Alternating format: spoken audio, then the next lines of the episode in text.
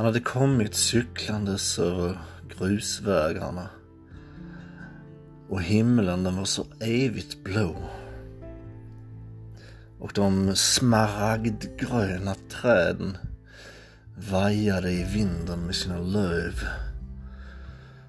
Och allt var så stilla. Han cyklade, han hörde knastret från gruset under däcken på cykeln. Han cyklade, han for med vinden. Och livet det kändes så lätt att leva.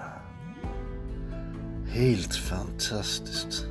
Han gick av en stund och bredde ut sin lilla filt på ängen. Han hällde upp en kopp kaffe och smakade på de hembakta bullarna. Och mors handplockade jordgubbar. Smakade så gott. Tiden förflöt. Han kände sig som att han bara tillhörde allt i denna värld och ingenting på samma gång.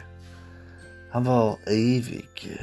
Han var allsmedveten om tillvaron och dess förgängligheter. Han eh, hade en liten ovana. Han tände en cigarett. Eh, han började bli svettig. Det pärlade sig i pannan.